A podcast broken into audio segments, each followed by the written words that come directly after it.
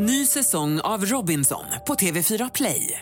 Hetta, storm, hunger. Det har hela tiden varit en kamp. Nu är det blod och tårar. Fan händer just nu. Det. är Detta är inte okej. Robinson 2024, nu fucking kör vi! Streama söndag på TV4 Play. Hej, jag heter Gry Forssell och du lyssnar inte på radiostationen Mix Megapol. I alla fall inte just nu, för du ska ju precis höra ett nytt avsnitt av Mord mot mord. Men först vill ju vi säga hej. Hej, hej, det här är NyhetsJonas. Det här är Carolina Widerström. Och här är Gullige Dansken. Ja, och så Gry då, då. Det vi vill säga är att när du har lyssnat klart på den här podden, då får du gärna lyssna på våran. Vi spelar in ett nytt avsnitt varje morgon av våra podd Kvartsamtal.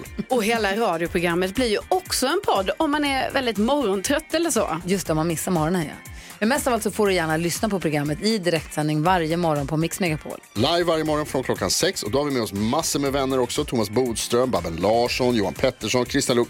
Massor med coola människor som bara dyker upp och gör livet bättre. Ja, som jag, Gullige Dansken. Exakt så. Och så mycket bra musik och annat skoj såklart. Så vi hörs när du vaknar på Mix Megapol. Podplay. 11 meter lång. Ja, alltså det låter typ som att jag har gjort något fel i konverteringen, men jag är Det gör ganska det. säker på det. låter verkligen som det. Kan Ja. vara 11 meter lång. Men det finns väl så långa ormar? Låt mig bara liksom lite snabbt kolla hur lång en pytonorm Pyton. brukar vara. List of largest snake. Okej, säg att den är istället då, eh, den kanske är runt två meter, tre meter. Alltså det verkar som att den, den största farliga ormen, den är 5,7 meter.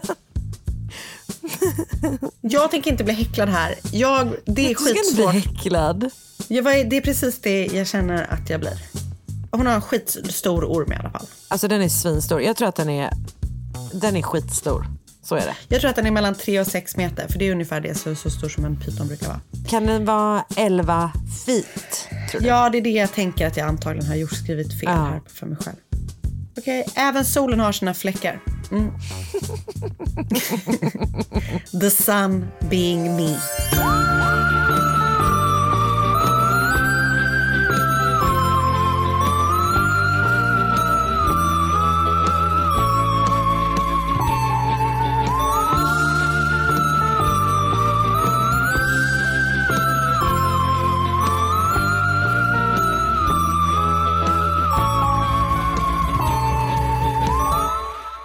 Anna, nu kan du säga det. Anna, nu är det dags.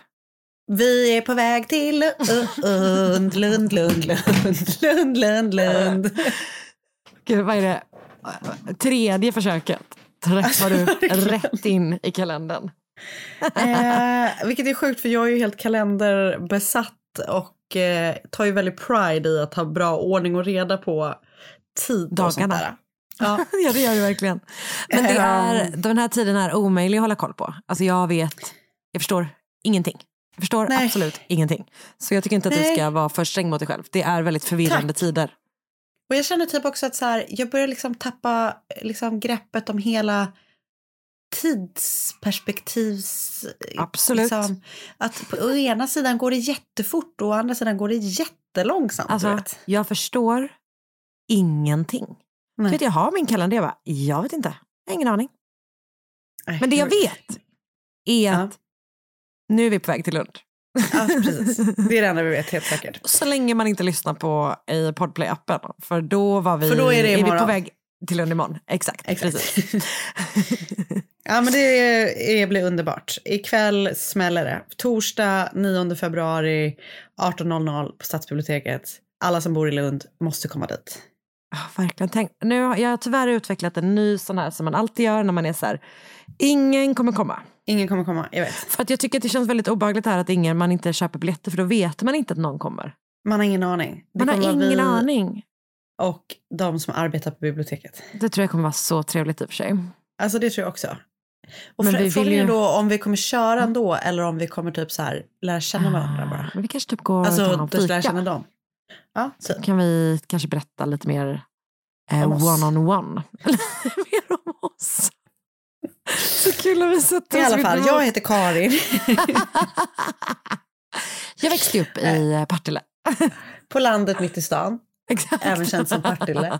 Exakt. Nej, men jag längtar jättemycket. Det ska bli skitmysigt verkligen. Det ska bli så jävla mysigt. Och, Och för er som eh, inte är där så får ni ändå höra. För vi kommer ju spela in det här. Ja. Och släppa det här i flödet också. Absolut, så att ni känner att ni är eh, där, ungefär. Exakt. Tänker jag. Mm. Det kommer det bli jättekul. är du, känner Ja. du dig liksom nöjd med ditt fall? Ja, men det gör jag nog. Eh, det är liksom... ehm, ja, jag ska väl inte... Jag vill inte ge iväg för mycket, men eh, det är eh, inga mord. Mm. Alltid skulle jag säga bra vid en livepodd. Exakt, det känns alltid skönt. Du då? Eh, eh, men jag känner mig nöjd. Ja, det blir, eh, det blir gammal skånsk skåpmat kan man säga. Härligt. Jag gillar det. Mm, Jag tänkte genast på pyttipanna. Ah, gott. Ja. Riktigt gott. Ah, ja, men... För er som kommer så får ni höra vad det är för typ av pyttipanna. Att jag tystnade och började tänka på pyttipanna. Pyttipanna drömde dig bort i en krögarpytt. Vad heter det? Har du något tips? Har, liksom vi kör det vanliga klassiska. Har du något tips? Jag vet typ inte om jag har det. Har jag Nej. det? Nej, alltså jag har liksom börjat kolla på The Hills på Ah, Netflix. kul. Alltså det är liksom, jag är där om du förstår. Vilket jag Fett tänker kanske hänger ihop med det här som jag sa nyss, att jag inte fattar någonting och inte vet någonting och känner mig helt yr i huvudet. Typ. Ja. Eh, att det liksom är, det som hände var ju, jag, jag berättade för dig igår att jag skallade en skåpsdörr igår. Ja, Eller i alltså förrgår. stackars dig. Och fick väl inte, alltså någon slags väldigt så light hjärnskakning skulle jag säga. Bre på nu Karin, du hade ju för fan ett stort jack i pannan. Jag hade ett, Säg åtminstone ett litet jack i pannan. Eh, Ni kommer inte känna igen Karin alltså, om ni ser henne. nej, för jag ser ut som Harry Potter. Jag vet inte vad jag känner för att du gör den referensen. För jag vet inte om du hånar mig och eh, alla oss Harry Potter-fans. Det är väl bara, eller? förlåt, men det är väl ver- verkligen bara den enda personen, alltså, han är väl ändå ansiktet utåt, alltså pannan utåt för, För R. R i pannan. Okej, okej, okej. Okej, jag tar det. Jag tar det, jag tar det. Eller vem Ja, har du annars? Liksom? Är det så Scar i Lejonkungen? Ja, men det är mer över ögat. Det är över ögat, att- ja. okej. Det är en annan sorts. Eh, nej, men då kände jag så här, eh, jag, hade, vi var, jag, hade, alltså jag var absolut inte så dålig typ att jag inte kunde kolla på tv, såklart. När är man, no- där- när är man någonsin det? Men däremot, verkligen. Men däremot så kände jag så här, det är lite för mycket med Real Housewives of New York. Jag orkar inte att de håller på att skrika och sånt. Där jag. bråkar de så mycket. Det är mer Exakt intriger i The Hills, mer lågmälda intriger. Det är lågmälda intriger, det är exakt vad det är. Och, eh, så därför gav jag mig på det och jag har inte ångrat mig kan jag säga. Eh, Men jag, jag Staring inget- at the Vet, page vet vad? before you. Alltså, nu ska jag berätta för dig till att börja med. Wow. Både din tolkning och låten, originallåten. Jag är nu på... Var det en tolkning? jag tyckte jag gjorde det bara rakt av som den är. Så Okej. mycket likadant. Eh, Nej men, men jag är nu på säsong två, det finns bara två säsonger på Netflix tror jag. Och den låten är inte introlåten. Va? Nej, blir du bara Men då tyst. blir den det sen. Ja, jag alltså, den antar det. måste vara det. Ja, ja, nej, men den är ju det sen. Ah, the, the rest is still unwritten. Unwritten, Yeah. yeah. Ah, det är så bra. Ah, det är så jävla bra. Nej, Jag kollade den ju även väldigt mycket på The City. Ah, väldigt bra. Väldigt, väldigt bra. Tror inte The City finns på Netflix. Kanske, jag vet inte. Nej, men så jag har inget uh, true crime-relaterat tips helt enkelt. Har du något att bjuda på? Nej, jag har ju inte det. Även inte heller den här veckan. Jag har typ inte kollat någonting på tv. Ursäkta, Eh, hur mår du? Har du svår hjärnskakning? Typ. Alltså man undrar ju. Nej, jag har inte kollat någonting på tv. Så jag har verkligen inga tips. Eh, och jag sa ju att jag skulle börja titta på den här Sherwood förra veckan. Jag har inte just gjort det. Men jag läste en jag recension som Ja. sa att den var jättebra. Så att då känns det ändå bra att jag tipsat om den. Så då kan jag... Det är inte bara jag som tycker att den verkar bra i alla fall. Marcus Eh, sa nej, precis så här. Ja, Marcus bara, eh, jag tänkte nyss på händelser vid vatten. Jag tror inte vi kommer kolla vidare på den. Okej, vad intressant. ja, jag vet inte Den vad... ska vi också titta på. Men Alltså, jag vet, inte varför han sa så, men det var en, vi, vi får väl se helt enkelt om han, Han har rätt eller fel. Ja. Ja, jag vet inte. Det är en, lite, en väldigt jobbig värld att ge sig in i eftersom den är så jävla ångestfylld hela tiden. Ja, det, Eh, det kanske inte är där vi är just nu. Men man vet Nej. inte. Man vet inte. Jag vet inte. Men, Men vi du- får väl se. Det var rafflande Eh. tv-snack helt enkelt. Eller tipssnack. En sak som Eh, jag tycker att veckan. vi måste benämna Berätta. eh, är att det här avsnittet, tror jag, är vårt 250 avsnitt! Nej. Vad sjukt. Do, do, do, do. 250 jävla avsnitt. Vad sjukt. Har någon någonsin gjort några fler avsnitt av en podd? Det tror jag inte. Det känns typ inte som det i alla fall. Det känns typ inte som det. Vad 250 sjukt. Grattis fall. Karin. Nej, vänta. Nästan 50. Gånger två. Ja, strax under 500 fall. Ja. Det är fan helt sjukt. Det är fan helt sjukt. Bra jobbat. Bra Bra kämpat, jobbat. Anna. Grattis. Grattis, grattis, Grattis, grattis. Men alltså är inte bra den alltså. vanliga fråga, vanligaste frågan man får från det? folk som inte är true crime? Ja. Förutom den. är inte den vanligaste frågan man får så här? Du vet när folk som är lite aldrig lustiga. slut? Ah. Exakt. Tar det aldrig slut? Och så gör man så här. Nej. Du tror att du var först med det där lilla, liksom, lilla skämtet, men eh, tyvärr inte. Nej. Då, jag svarar alltid så här, då, som jag inte vill skapa någon obekväm stämning. Man vill ju svara, är du störd eller?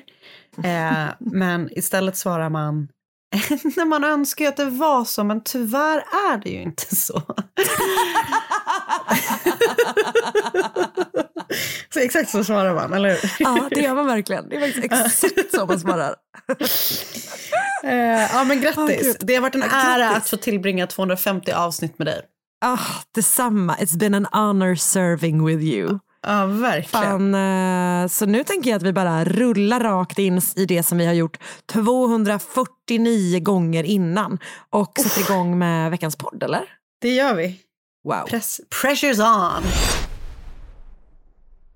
Ny säsong av Robinson på TV4 Play. Hetta, storm, hunger. Det har hela tiden varit en kamp. Nu är det blod och tårar. liksom. Fan händer just nu.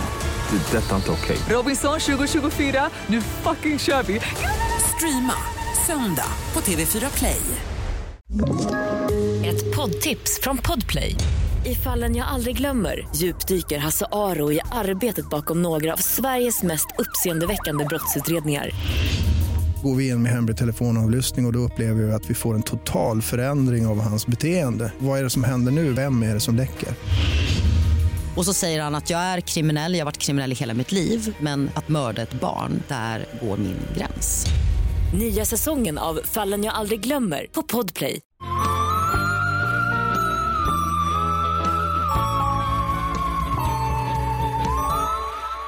Familjen Pelly i Lakeville, Indiana var ett resultat av två sorgliga händelser skulle man kunna säga.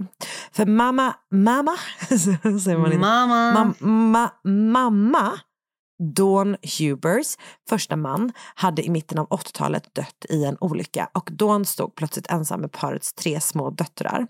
Jessica, fem år gammal, Janelle, fyra år gammal och två år gamla Jolene. Pappa Robert, eller Bob Pelly, hade förlorat sin fru i cancer i början av 1985 och stod ensam kvar med deras två barn. Jeffrey, eller Jeff, och Jackie. Och de är liksom tonåringar, så de är, de är så här, ganska mycket äldre, typ. Mm. För det dröjde bara några månader efter att de båda blivit änklingar innan de träffades och redan i november 1985 så gifte de sig. Och det gick så fort att det, åtminstone enligt vissa källor, så var det så att deras barn liksom inte hann träffa, alltså de träffades typ först vid bröllopet. Gud vad hemskt. Stackars barn. Men eh, bara liksom, värt att notera här är ju att alla barnen har J-namn. Ja, utan att de ens har gemensamma föräldrar. Mm. Så det är tre J-barn på ena sidan och två J-barn på andra sidan. Jag tyckte bara... Det är intressant. Jag har ingenting mer på det förutom att jag bara var så här, hmm. Ödet. Ja, verkligen. Det, kanske, det sa de säkert också. Tror du inte det? Säkert, säkert, Mm. säkert. Destiny brought us together. Exakt, verkligen. Eh, och det är nog det här med J-namnen är nog lite så här, lite grann typ det som, håller, liksom det som är likt med de här barnen. För som sagt då så skiljer det sig ganska mycket i ålder. Eh, men Dawn och Robert har också lite olika uppfostringsmetoder. För Robert är väldigt, väldigt sträng mot sina barn och Dawn har en lite mer avslappnad inställning. Robert är p- präst. Han är präst. Jag kommer börja kalla honom för, eh, verkligen. Jag kommer börja kalla honom för Bob nu. Eh, Bob är präst och det är det yrket som tar familjen från, från Florida, där de först bor, till just Lakeville, där Bob leder församlingen Olive Branch Church, som har ett 50-tal medlemmar. Familjen bor då i liksom eh, pastorshuset, säger man så? Det känns som att det är, ja, alltså, huset Ja. som är till kyrkan. Där bor de. Prästgården. Prästgården, ja exakt, precis.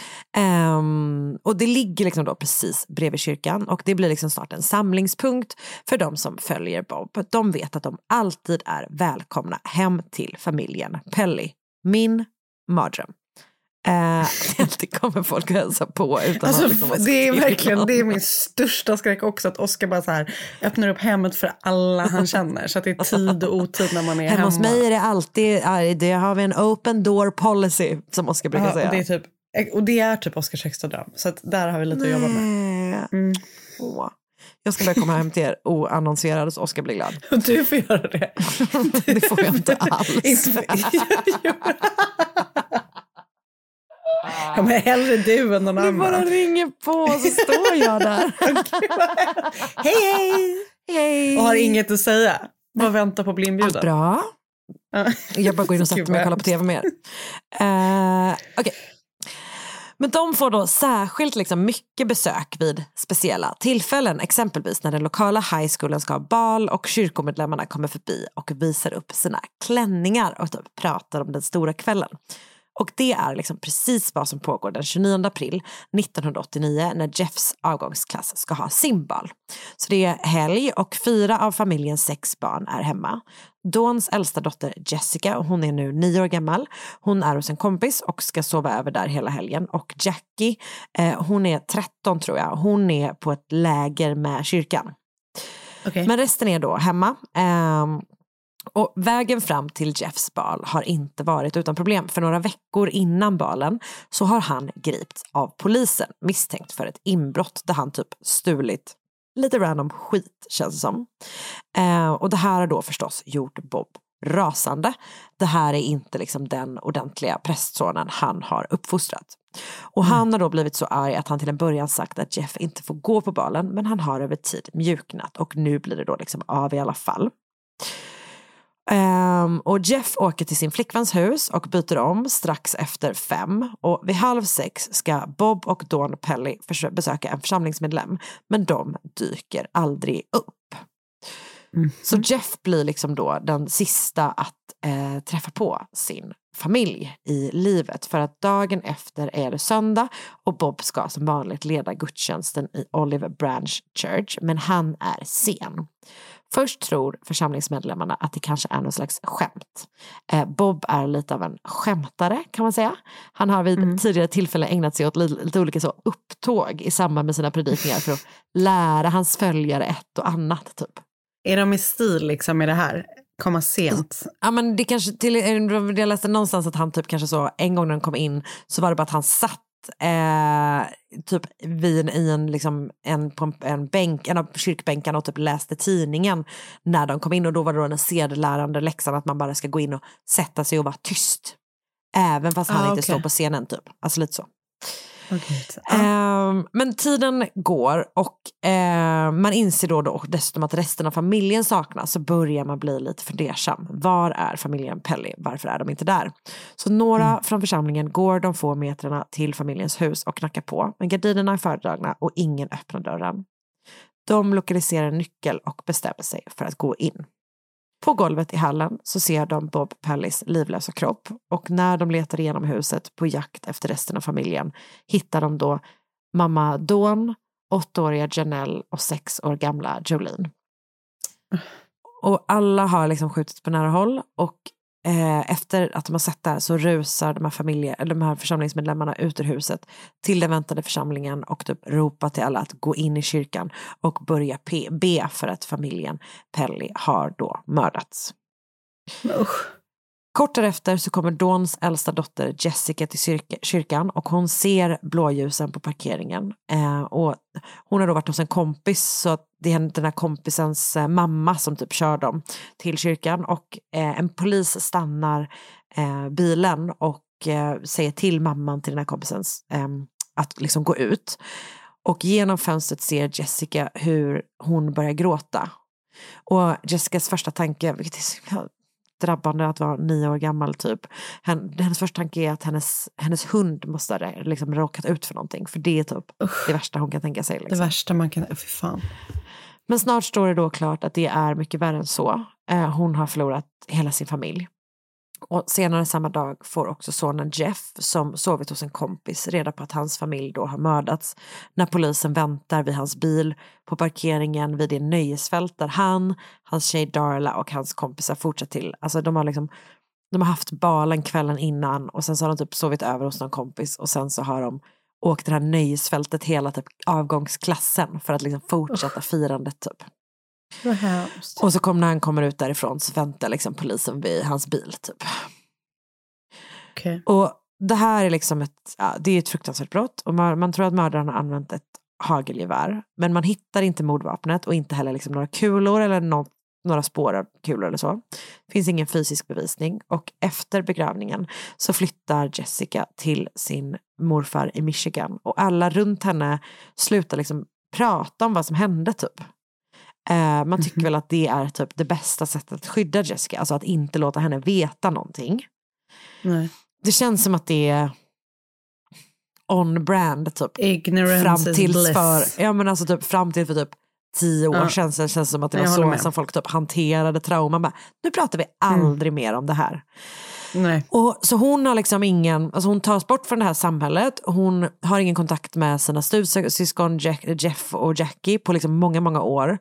Eh, och hon vet ingenting. Hon har uppfattningen om att polisen då tror att hennes styvpappa dödade hennes mamma och hennes systrar och sen sköt sig själv. Det är vad hon tror har Mhm. hänt. Liksom. Och det är också vad hon säger till Jeff när han sex år efter morden bjuder henne att hälsa på honom, hans fru och deras barn i Florida. Eh, för vem hon tror gjorde det är liksom en av de första frågorna han ställer till henne. Mhm. Och då säger hon så här, det var, det var din pappa typ. Ehm, men det är också en av de första frågorna polisen ställer till henne när de 2002 knackar på dörren till huset som hon nu delar med sin man Tyson och deras två döttrar. Okej. Jessica har då börjat kalla sig Jessie. Så det är, liksom, eh, det är vad jag kommer kalla henne från och med nu också. Mm. Det är liksom ett sätt att typ ta avstånd från hennes alltså, så fruktansvärt sorgliga start på livet. Och hon har så färgat håret rosa. Alltså hon beskriver som att hon vill byta person. Typ. Hon vill bara glömma och trycka Ja. undan.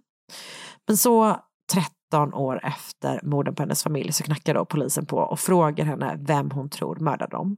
Och hon svarar, precis som hon gjort tidigare, att det var hennes styvpappa som sköt hennes mamma och systrar och sen begick självmord. Aha. Polisen har typ så kollat på varandra och sen säger de, de bara, det är omöjligt. Det kan inte Aha. gå till så liksom. Ehm, så då frågar de om hon kan komma på någon annan som hade velat skada familjen. Och direkt så liksom poppar ett namn upp i hennes huvud. Hennes styvbror Jeff. Och det visar sig då Okej. att polisen delar hennes så här, tanke. Eh, de har redan från början varit säkra på att den då 17-åriga Jeff var gärningsmannen. Mhm. De har bara inte haft nog bevis att övertala en åklagare att ta fallet till domstol. Okej. Så den här Jeffrey Pelly då, Jeff, han hade en liksom något strulig uppväxt. Det är förstås inte så konstigt om man förlorar sin mamma och sen får se sin pappa gifta om sig bara månader senare typ. Man kan förstå Nej. att han, alltså inte att jag försöker bortförklara det han eventuellt gjorde senare, Nej, nej. men såklart, men att det är så här, man förstår att han eh, blev lite utagerande mot sin pappa och han och, pappa, han och Bob hade en riktigt ansträngd relation. Alltså Bob var väldigt sträng och väldigt strikt och det krockade liksom en hel del med den då tonåriga Jeff. Folk i området kände till att de bråkade och polisen kände till åtminstone ett till- tillfälle då Bob hade slagit Jeff. Relationen med styvmamman Dawn var typ kall. Alltså, han beskriver den som att den var nästan icke-existerande. Eh, men det fanns då en del negativa känslor kring henne och hennes barns intåg i familjen. Jeff och även tror jag till viss del Jackie upplevde då att det var helt andra regler som gällde för Dawns barn än för dem. Och eh, de var ju yngre med, så det var kanske inte så konstigt heller. Eh, men Jesse eh, kommer också senare vittna om att typ Jeff hade humör. Alltså de var ganska, de, alltså han kunde bli väldigt arg plötsligt och hon som barn var liksom rädd för honom. Typ. Ah. Som jag sa i början, ett par veckor innan den här balen hade hans avgångsår från high school då. Eh, den här balen, hans avgångsår från high school, så hade han gripits av polisen och relationen till pappan hade då blivit sämre. Bob var rasande. Och som sagt, han gick till slut med på att Jeff skulle få gå på balen. Men det kommer med en och annan restriktion. Han får då inte delta i några aktiviteter runt omkring balen. Alltså han får gå på själva balen men det är det Ah, liksom. okej. Och han får inte heller köra sin egen bil. Så Bob ska liksom skjutsa honom och hans flickvän Darla till balen. Och det är ju förstås en enorm kränkning som du säkert förstår. Men vid kvart över fem den 29 april ses Jeff ändå i sin bil på en bensinmack eh, mellan hans och hus och Darlas hus. Och snart dyker han då upp i henne, hos, hemma hos henne. Han har med sig, men inte på sig, sin kostym. Så han byter om hemma hos henne innan de ger sig av till balen. Så här, finklädda och sådär. Som, som sagt, sen sover de hos en kompis och sen så dagen efter så åker de till det här nöjesfältet då där polisen sen eh, kommer att informera honom om vad som har hänt hans familj. Men polisen kommer då alltså tro att när Jeff dyker upp på bensinmacken har han precis mördat sin familj. De menar alltså, att det helt enkelt inte finns någon annan som haft möjligheten att göra det. Alltså det är, så här, det är ett väldigt, väldigt litet fönster för det här brottet. Alltså den sista personen, du kommer ihåg att det var ganska mycket trafik i det här huset den här kvällen, Mm. eller eftermiddagen. Så den sista personen som liksom hälsat på dem och lämnar huset gör det vid kvart i fem. Och halv sex så dyker då familjen inte upp på den här, att de skulle hem till någon och typ eh, kolla på någons klänning eller whatever. Ehm, så man menar då att de här 45 minuterna är liksom luckan där de måste ha mördats. Okej. Och Jeff säger själv att han åkte från huset innan 17 men det finns då vittnen som har sett honom där och då på den här macken efter 17. Polisens teori är att Jeff först skjutit sin pappa med familjens hagelgevär och sen följt efter sin mamma och styv, eh, styvmamma och systrar ner i källaren. Eh, där han då skjutit dem. Och sen har han klätt av sig sina kläder, slängt dem i tvätten, tagit en dusch, städat upp kulorna, satt sig i bilen med vapnet, tankat, gjort sig av med vapnet och åkt hem med Darla, till Darla. Och jag tror att han kommer till henne alltså typ runt halv sex. Så det är liksom väldigt, väldigt små luckor. Ja, typ. verkligen. Och motivet ska då ha varit att han ville gå på balen och han ville gå på balen fullt ut, liksom, så som han ville göra det. Typ. Alltså, det här var en konflikt med hans pappa som es- eskalerade. Eh, Och han sköt honom och sen så sköt han de andra med. Alltså så, liksom, att det var som ett, Ja. ett bråk typ. Polisen har dock ingen teknisk bevisning. Man hittar blodspår i badkarets avlopp och ett par av Jeffs jeans och lite andra kläder i tvättmaskinen. I fickorna ligger eh, pengar kvar, vilket man tycker då tyder på att Jeff liksom hade bråttom och var disträ när han la dem i maskinen. Jag tycker också det verkligen bara att det är typ exakt så man tvättar jeans när man är 17 år gammal. Men, eh, men det finns liksom inga så här cold hard facts att luta sig mot. Utan istället menar man att tidslinjen är det starkaste beviset för att han måste ha begått det här. Alltså, det kan inte ha varit någon annan är helt enkelt vad, vad eh, polis, alltså, polisen går på typ. Okej. Men det är ju då inte, alltså det, det finns lite olika indicier sådär. Men, men eh, det finns också typ att han så här, han har sagt till Darla så dagen efter att han, han har en dålig känsla, att han tror att någonting har hänt. Alltså det är sådär liksom. Ehm, Men som sagt, inte supermycket att luta sig på, mot och det kan bli svårt i rättegång så ingen åklagare har velat ta sig an fallet förrän då 2002, 13 år efter att det begicks. Eh, för att poliserna dyker upp hos Jesse den där liksom dagen beror då inte på att de hittat nya bevis utan på att det nu finns en åklagare som vill gå vidare med fallet. Mm. Det finns också, ska det då visa sig, ett vittnesmål från en polis som säger att Jeff frågade honom vad som skulle hända om han sa sanningen. Skulle han då bli avrättad? Och eh, det tar man då som ett tecken på hans skuld. Men det verkar liksom inte finnas dokumenterat att han har sagt det på något sätt, förutom att en polis har dokumenterat att han har hört det. Förstår du vad jag menar? Alltså Jag det finns fattar. liksom inte, det, det är en sån affidavit där, där eh, polisen skriver att han har varit med om det här, men det finns ingen liksom övriga... Ingen inspelning eller... Nej, exakt, precis. Och verkar inte finnas några anteckningar från själva förhöret heller, som jag förstår det. Eh, så det finns en polis som säger sig ha hört det här, men man, men liksom inte, ja, du fattar. Jag fattar. Mm, som sagt, en, en DC-kedja som åklagaren bygger sitt fall på och det leder då till att Jeff grips för morden. Vid det här laget så bor han i Florida med sin fru och sitt barn och jobbar som konsult för IBM. Men nu utlämnas han då till Indiana och sitter häktad under hela tiden han väntar på rättegång. Den börjar 2006. Så det är alltså 17 år efter morden. Hans syster Jackie tror på hans oskuld. Det gör också typ hans här, morföräldrar och sådär. Och också några av de gamla församlingsmedlemmarna. Men någon som är säker på hans skuld är Jessie. Och inför rättegången då, eller vid rättegången så åker hon tillbaka till Indiana för första gången sen det här hände för att vittna mot sin styvbror. Och utöver att hon kan vittna om liksom familjedynamiken och om Jeffs beteende i familjen och sådär så vittnar hon också om att familjens hagelgevär alltid brukade hänga på ett visst ställe på väggen tillsammans med en pilbåge. Och när polisen sökte igenom huset så hittades bara den här pilbågen. Och man tror därför då att det här är mordvapnet. Och hon är så här, ja men den hängde alltid där. Liksom. Hon reagerar på att han inte ser henne i ögonen på liksom hela vittnesmålet. Efter lite drygt två och en halv dags överläggning så kommer juryn tillbaka med sin dom. Jeffrey Pelly är skyldig till fyra mord. Och han Mhm. döms till 160 års fängelse. 160? 160 års fängelse. Men det tar liksom inte slut där, för delvis så jobbar Jeffs advokat på ett överklagande, men över tid och när hans fall får mer uppmärksamhet får han också nya, säkert dyrare, vassare advokater. Eh, det vilar på, alltså det som de håller på att jobba med vilar på ett par olika saker. Delvis så menar man då att hans rätt till en snabb rättegång kränkts, alltså att det tog så jävla lång tid innan det blev rättegång. Mm.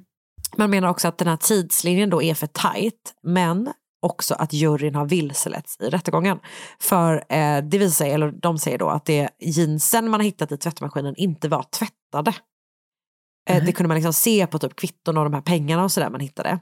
Eh, men det fanns Eh, men juryn fick liksom inte veta det, alltså att maskinen inte hade gått typ. Och de fick heller inte veta att de var otvättade och att det inte fanns typ några blodfläckar eller på så. På, alltså på jeansen, man hittade inget inga, inga liksom bevis på de här jeansen trots att de då eh, var otvättade. Typ.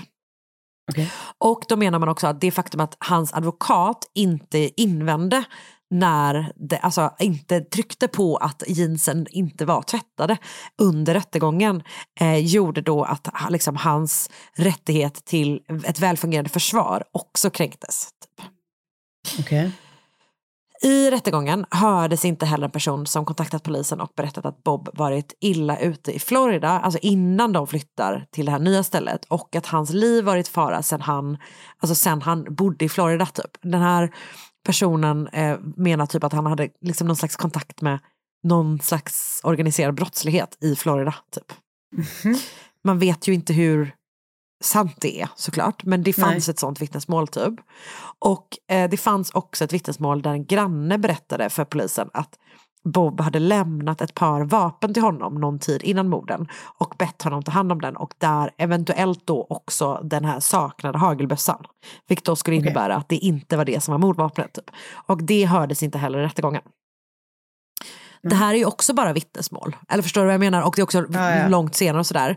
Eh, och, men det, man kan ju inte veta hur mycket sanning det finns i de uttalandena. Så frågan är då om vi antingen liksom har att göra med en 17-åring som mördade sin familj för att han ville gå på balen, så som han ville gå på balen. Eller en person som sitter på livstid för fyra mord som han inte har begått. Och det här, alltså liksom den här delen av den här rättsprocessen pågår nu. Så i höstas lämnade Jeffrey Pellis försvar in sitt underlag för att få igenom en ny rättegång. Och nu liksom under våren ska en domare, förväntas en domare ta ställning till huruvida det blir en ny rättsprocess eller inte. Eh, så det liksom är så här, det är verkligen högst pågående och ehm, man, alltså, han är ju dömd liksom.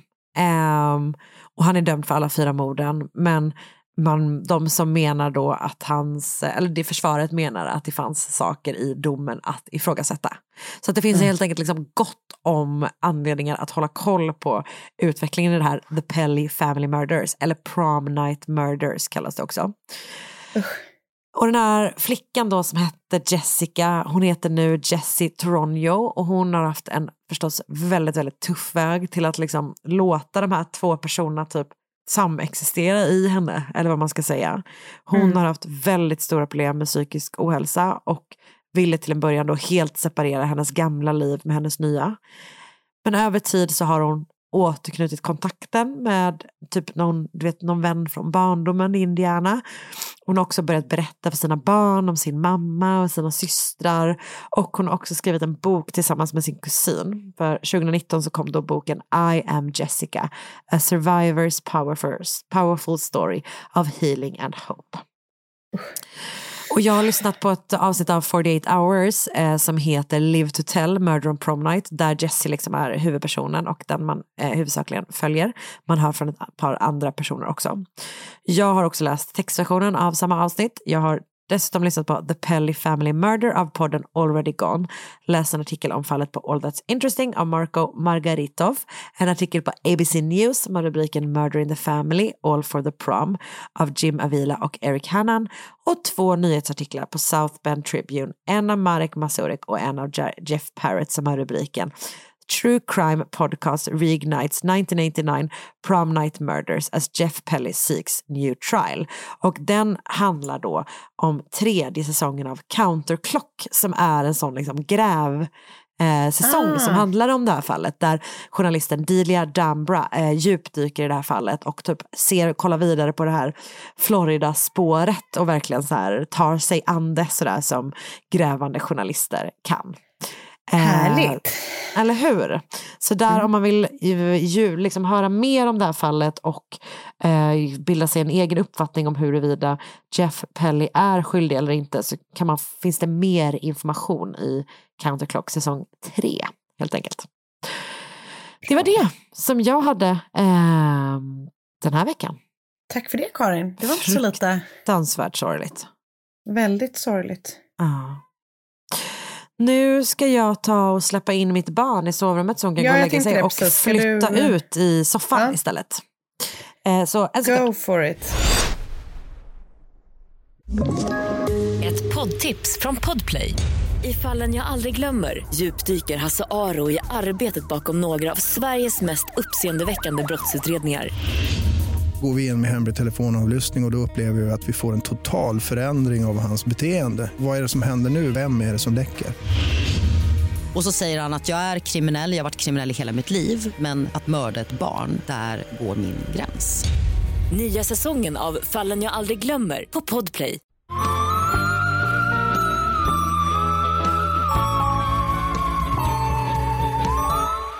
Roger Pratt, Spencer Pratts pappa.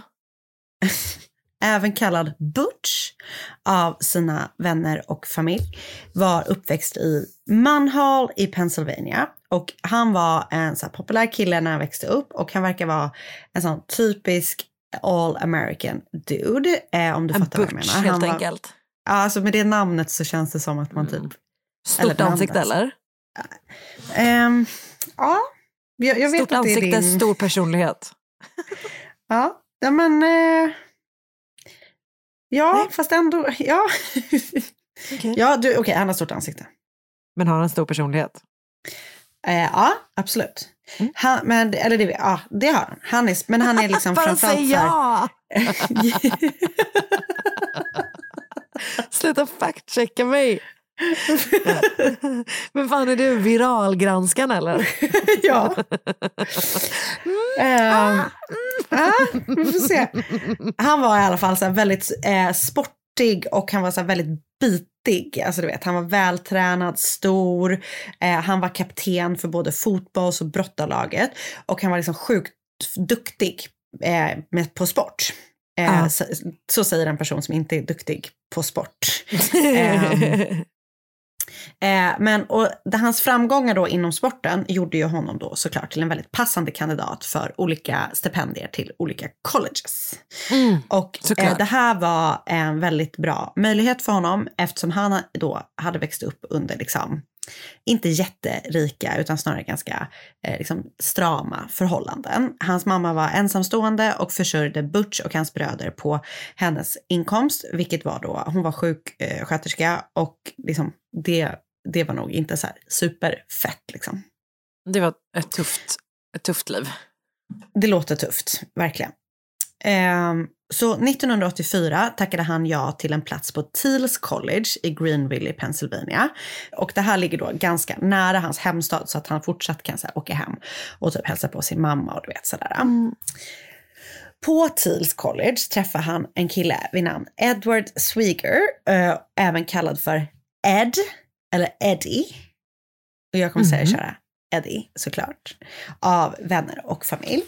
Eddie är så här skitduktig i skolan. Eh, han tar liksom skolan på jättestort allvar. Han beskrivs eh, liksom som den som pluggade mer av de här två och att han liksom kanske inspirerade Butch att vara duktig i skolan.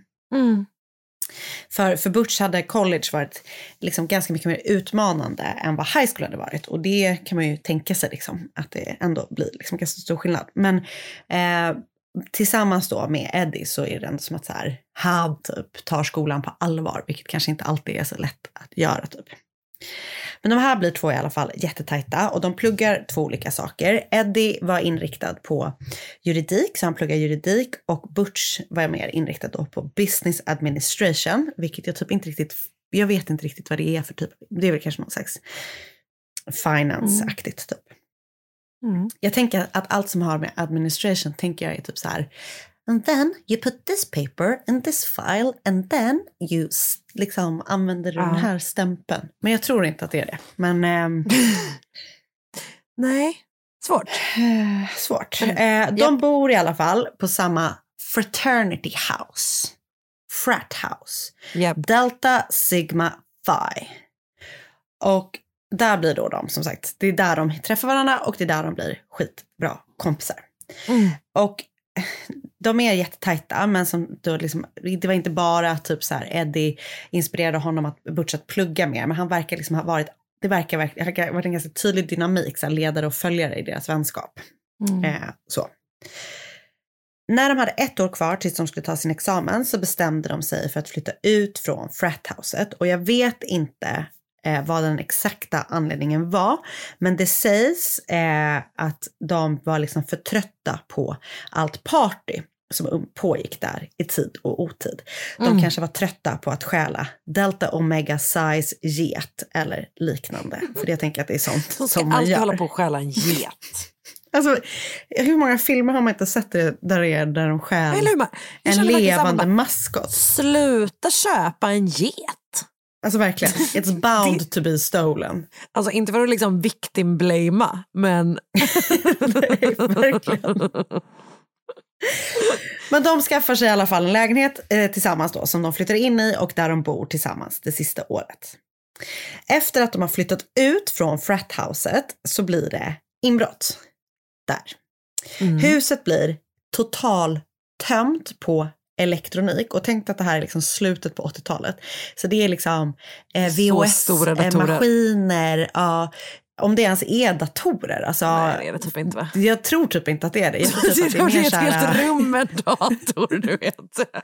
Men jag tänker mer att, jag vet inte hur man ska, men alltså, jag tänker mer Telefoner att, eh, och VHS-spelare. Ja, typ så här en jättestor tv, en Projektor. boombox. Alltså, de, de stjäl en sån overhead-apparat. Typ rullar iväg den dunk, dunk, dunk, dunk, dunk, dunk, med den där armen som bara flipprar. Eh, men det blir alltså, ja. total tömt på typ all, allt liksom av värde. Och det- jag, nu var ju vi ändå så pass små i slutet på 80-talet, eller typ knappt fanns. Det fanns ju typ inte. Ehm, Nej, eh, vi var, en, vi var eh, liksom en spermie. Nej, Ja. Eller? Tala för dig själv. Eh, eh, men, men det var väl ganska dyrt, tänker jag. Liksom då. Så att det, här, det, det är liksom... Ja, eh, det blir i alla fall total rensat på elektronik. Eh, och eh, det låter ju konstigt att det ens går att tömma ett sånt här typ av hus på, eh, på allting. Men det var alltså mitt under spring break. Så alla som bodde där var väl typ i Cabo eller var man då eh, tillbringade spring break på 80-talet. Det var inbrott i alla 17 rum och ehm, ja, allting som går att stjäla stjäls helt enkelt. Oj. Det som är konstigt är att det finns inte några tecken på att det har varit inbrott i huset. Eller du vet, man kan ganska snabbt konstatera att så här, tjuvarna verkar ha haft nycklar. Eh, för att det har inte varit, liksom, det finns inga tecken på inbrott. Mm. Utöver då att allt är stulet. Och det var många som hade nyckel dit. Du vet, det är inte bara de som bor där utan det är så personal, det finns någon städare, någon kompis har en nyckel. Det finns skitmycket nycklar. Som... Säkert jättemånga som har bott där innan som typ inte har lämnat tillbaka nyckeln. Exakt så. Exakt så. Många nycklar i omlopp. Verkligen så. Så det är liksom många som har haft möjlighet att eh, göra den här stölden. Som tur är då så har Eddie kommit ganska långt i sina juridikstudier. Han är ju som sagt på sista året. Så att han hjälper liksom alla grabbar som eh, bor där. Eller han, han är väl i sista året på någon slags, du vet sån grundläggande juridikutbildning i alla fall. Mm. För jag tänker, han är bara 21 nämligen när det här Eh, pågår. Ehm, men han hjälper liksom alla killar som bor där med att berätta vad de har för rättigheter, göra ansökningar hos försäkringsbolaget, vet, massa sådana saker. Och är liksom bara så schysst. Och eh, ingen vet ju då vem som har begått inbrottet, men det dröjer inte länge innan alla de här fratboysen då som bor kvar i huset fortfarande pekar ut att de tror då att det är Butch och Eddie som är skyldiga till inbrottet. Hmm. Eh, det finns liksom inte vad jag förstår några direkta bevis på att det är de mer än att det är så här deras känsla att det är de som är skyldiga. Men de plockas in på förhör, de du vet, säger in, de, de erkänner ingenting. Utredningen stannar typ där som jag förstår det. Under våren 1988 så tar de då 21 år gamla båda två studenten, eller sin examen, eh, och de har då gjort upp stora planer för vad de ska göra under det stundande sommarlovet och även hur de då ska fortsätta sin höst. Liksom. De ska flytta in tillsammans i en gemensam lägenhet i Philadelphia där de då ska fortsätta sina studier. Eh, Eddie hade kommit in på Temple Law School och Butch hade ambitionerna om att plugga vidare och ta en master i business administration. Eh, planen efter att de hade då pluggat vidare var att de tillsammans skulle starta någon slags business ihop. Jag vet inte vad de skulle ägna sig åt, men de hade väl det som krävdes med law and business. Och sommaren då skulle de också tillbringa tillsammans och den skulle tillbringas då boendes hemma hos en kvinna vid namn Linda Carlen som var båda killarnas chef på deras extrajobb i en butik. Men hon, Linda, råkade också vara Eddies flickvän. Mm. Sexigt. Och Linda, väldigt. Linda hade en stor gård eh, där de då skulle få gott om space att hänga utan, liksom, utanför deras arbetstid. Mm. Och Linda Carlin kan man väl beskriva som en kvinna mitt i karriären. Hon är 35 år gammal, så alltså 14 år äldre än, Mm. sin, eh, än Eddie och Butch. Mm. Hon har arbetat länge med en man vid namn John Steele som är liksom någon sån riktig businessman. Eh, hon har börjat som hans assistent och sen har hon typ arbetat sig upp hos honom som eh, liksom, ja, anställd helt enkelt. Och han har då massa olika businesses. Han är först och främst en ortopedisk kirurg. Men utöver det så äger han ett, något slags spa. Mm. Han har flera olika möbelbutiker. Ja. En taverna. Japp. Ett paraplyföretag. eh, och eh, det här är ett axplock bara. Alltså jag önskar att han fanns på LinkedIn. Alltså det är som att, Okej. Jag tänker typ att han bara öppnat, du vet typ att han bara, fan man skulle behöva någon som var riktigt bra på paraplyer. Jag öppnar ett paraplyföretag. Ja. Ja. Wow. Ja, så han har liksom lite smått och gott. Eh, och Linda då verkar liksom vara hans högra hand typ med det mesta. Så. Eh, han har då också flera olika bostäder. Och bland annat har han då typ en ranch eller en gård eller något liknande. Där han då låter Linda bo. Som typ Alltså det är inte hennes, förmån. utan det, det Nej, är hans. nej, det är hans. Mm. Ja, exakt. Så hon bor då i ett skitnice hus, som i och för sig inte är hennes, men hon bor ju där. Hon har två bilar. Eh, hon har jättemycket fina kläder. Hon har massa dyra smycken. Hon har två rottweilers, så mycket som sju hästar och två ormar varav en var en 11 meter lång Nej. pytonorm. Så Nej. hon har allt man kan önska sig. Alltså det är så sjukt att vi ska, alltså det är något fel med att man får ha eh, sådana djur som husdjur. 11 meter lång. Ja, alltså det låter typ som att jag har gjort något fel i konverteringen, men jag är Det gör ganska det. säker på det. låter verkligen som det. Det är Ja. bara 11 meter lång. Men det finns väl så långa ormar? Jag vet inte. Ja, ja, det är 11 en... Ja, men alltså, okej. Du- Jag vet inte om jag kommer hitta tillbaka exakt dit. Men låt mig bara liksom lite snabbt kolla hur lång en pytonorm Pyton. brukar vara. L- List of largest snake. The longest. Okej, säg att den är istället då, eh, den kanske är runt två meter, tre meter. Alltså det verkar som att den, den största Ja, ja, ja. farliga ormen, den är 5,7 meter. Jag tänker inte bli häcklad här. Jag, det är Du ska inte bli skitsvårt. häcklad. Jag, det är precis det jag känner att jag blir. Är det det? Vad sa vi? Pyton? Hon har en skitstor orm i alla fall. Alltså den är svinstor. Jag tror att den är, den är skitstor. Så är det. Jag tror att den är mellan tre och sex meter, för det är ungefär det så, så stor som en pyton brukar vara. Kan den vara 11 feet? Ja, det är det jag tänker att jag antagligen har gjort, skrivit fel Ja. här för mig själv. Det, Okej, Det är även väldigt solen har sina fläckar. Mm. The sun being me. Eh, Okej, men hon har i alla fall det då. Allt man kan tänka sig vill jag ha. Eh, Linda och Eddie träffades i en av Johns stilbutiker. Eh, och det verkar vara någon slags liksom, mer tränings... Alltså, de, ja, de träffas i en av hans butiker och de fattar genast tycke för varandra då och börjar umgås och dejta väldigt snabbt. Hon är då som sagt 35 och han är 21 så att det är ändå ganska stor åldersskillnad.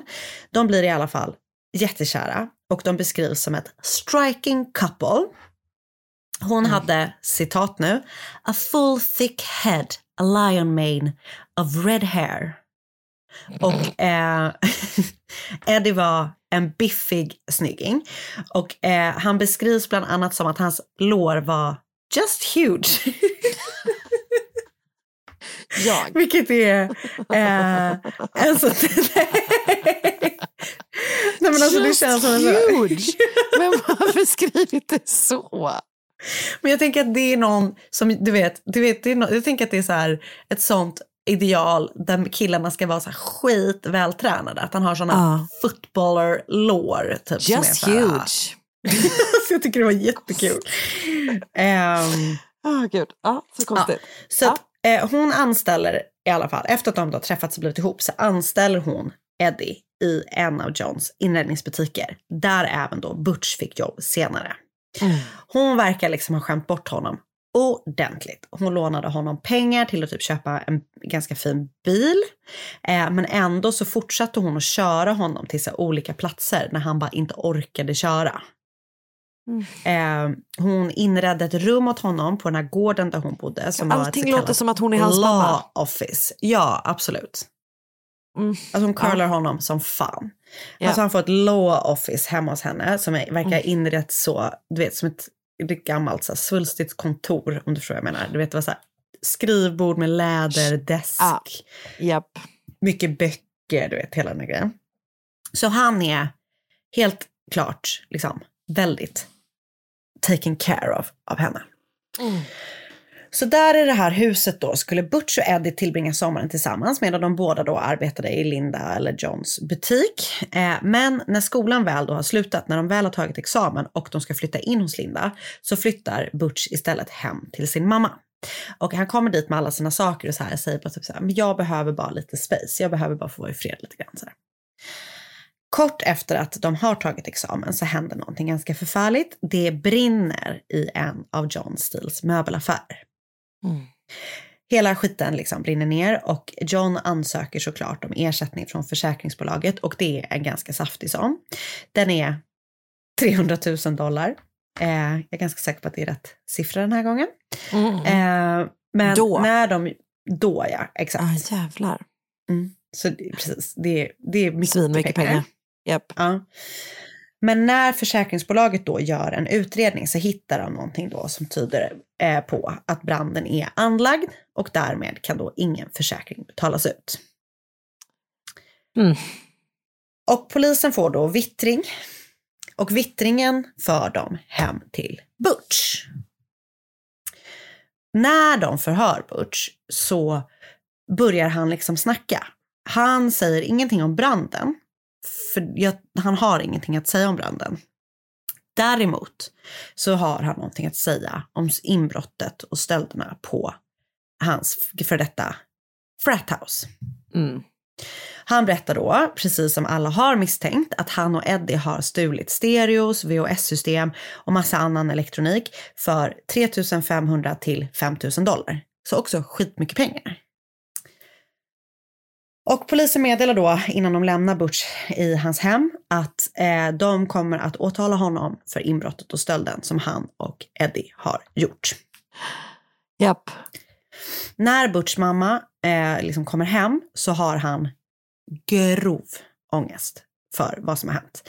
Så han berättar då för henne vad han precis har berättat för polisen och hon är så här, kontakta en advokat som liksom vi känner här, ring honom så ska vi se att det här löser sig. Typ. Mm. Så som är en mammas uppgift att säga. Eh, och han har då också så sjukt mycket ångest för vad Eddie skulle säga om han visste vad Butch precis har gjort. Alltså om han, att han, om liksom, att han han har bara så här, erkänt. "Vad f- ja. Eh, de har inte haft någon kontakt med varandra sen Butch flyttat hem till sin mamma. Och det verkar som att han liksom, det är inte bara att han inte haft kontakt med Eddie, Butch alltså, utan det är mer att typ, så här, han verkar typ inte ha haft kontakt med typ någon av sina kompisar. Så han har liksom isolerat sig mer och mer eh, och har då såklart jättemycket ångest. Mm. Eh, men den 17 juni 1988 så ska han ge sig ut för att träffa några vänner. Han tar då bussen till Akron där han ska möta två kompisar som heter Theresa och Caroline. De har frågat om han vill följa med dem på fest.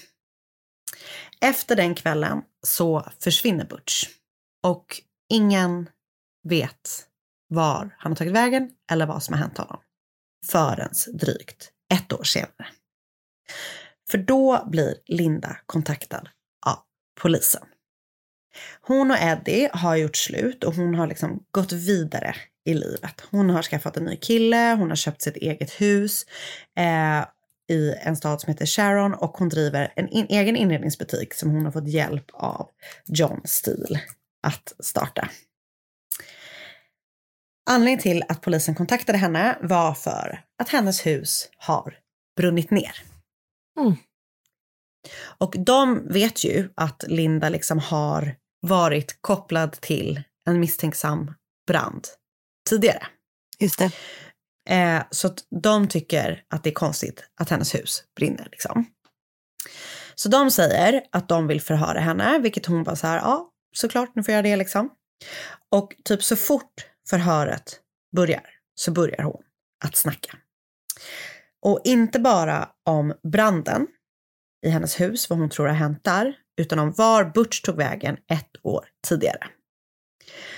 Hon berättar att hon är helt säker på att det är Eddie som har tänt eld på hennes hus. Hon säger att hon tror att han har gjort det för att varna henne och varna henne då för att hålla tyst eh, om vad som har hänt med Butch. Men det tänker hon inte göra, för hon är totalt livrädd för vad Eddie kan göra. Och hon vill att han ska försona för det som han har gjort. Hon berättar då att Eddie tillsammans med sin bror Michael hade dödat Butch för att säkerställa att Butch inte skulle skvallra eh, om att Eddie hade varit med och tänt eld på John Steels butik. Oj. Hon berättar vad som har hänt den kvällen som Butch åkte till Akron för att gå på fest.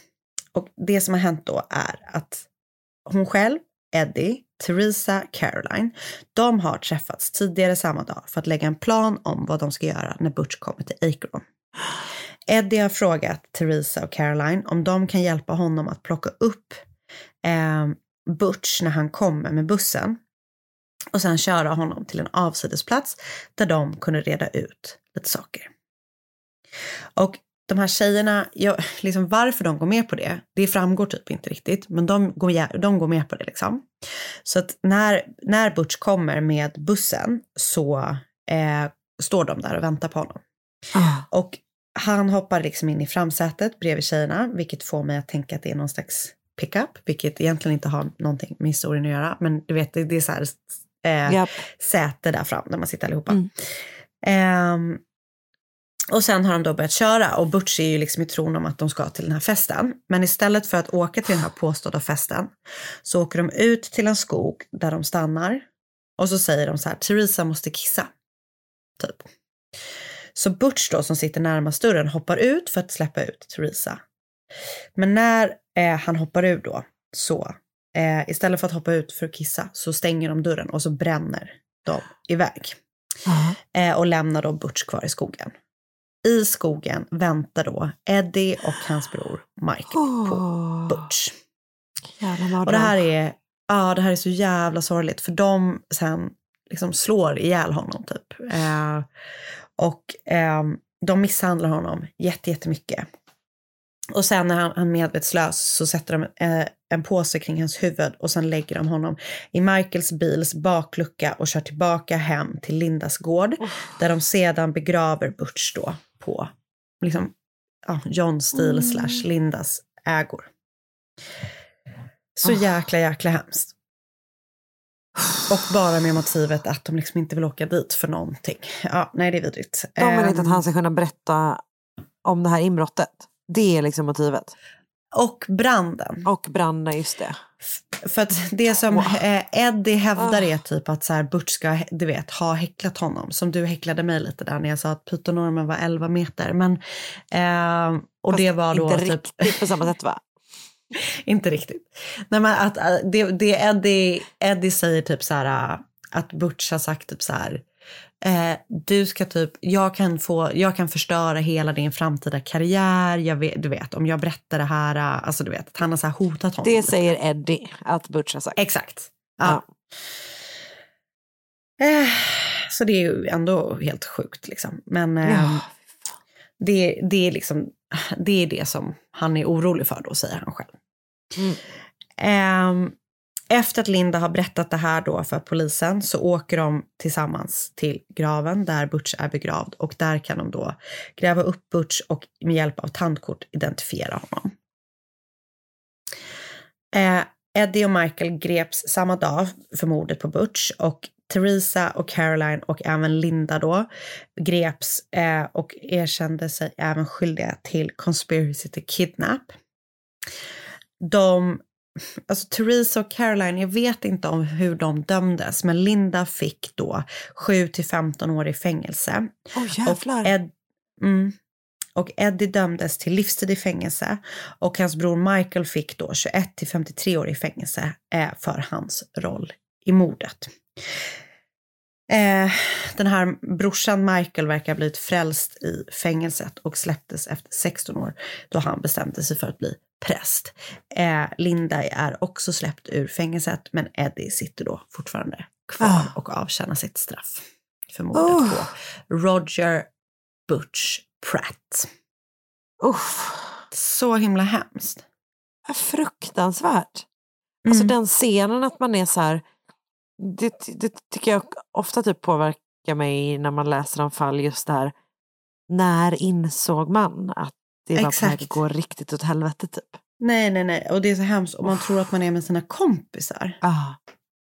Och sen bara stänger Nej, de dörren, bränner iväg och så du vet tänker man först säkert så här, vilket dumt skämt. Eller du vet. Ja, haha, kom Uff, tillbaka. det är så jävla obehagligt. Ja. Usch. Ja, jag vet. Det, det Oh. verkligen eh, gör något med en. Eh, och jag har läst två artiklar på The Washington Post som heter Murder among friends, two live at a crossroads. Och att den andra artikeln heter The Unraveling eh, of a Murder, båda skrivna av John Greenya. Sen har jag lyssnat på en podd som heter He Murdered His Best Friend och det är Killer Questions with Dar- Darren Karp, säsong 1, episod 8. Och där är Billy Jensen, du vet, eh, gästartist. Väldigt bra eh, podd. eh, cancelled tror jag. Jaha, okej. jag. Jag tror det. Att det har varit, det har varit någon, eh, liksom, eh, ah, han har fått lite så, blivit anklagad för uh, osagt Ah, jo, men det beteende. här, jo men just det, det här, eh, okej. Han var Alltså, i alla fall att du- med och podden Ja, var inte- bra. Så att, eh, Jag säger inte att du inte ha det som källa. Jag säger bara nej för det hade jag. det går bra. Eh, sen så har jag läst Brothers Keeper eh, av Sarah Frensky på sin, klivsin.com. Och så har jag läst One the Best, They're Behind Bars, Brothers Who Were Town's Pride Face Trial in Slaying av redaktionen på Akron Beacon Journal. And that's all. Du, vilket jävla 250 avsnitt eller? Ja, helt sjukt. 251. Det blir en, eh, ett firande. Det ska bli underbart. Eh, eller hur? Så jag Vi ses att vi i hörs. Lund you guys. Vi ses i Lund och vi hörs nästa vecka och fram tills dess, ta hand om er.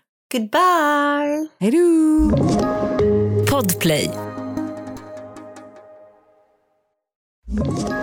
Ett poddtips från Podplay.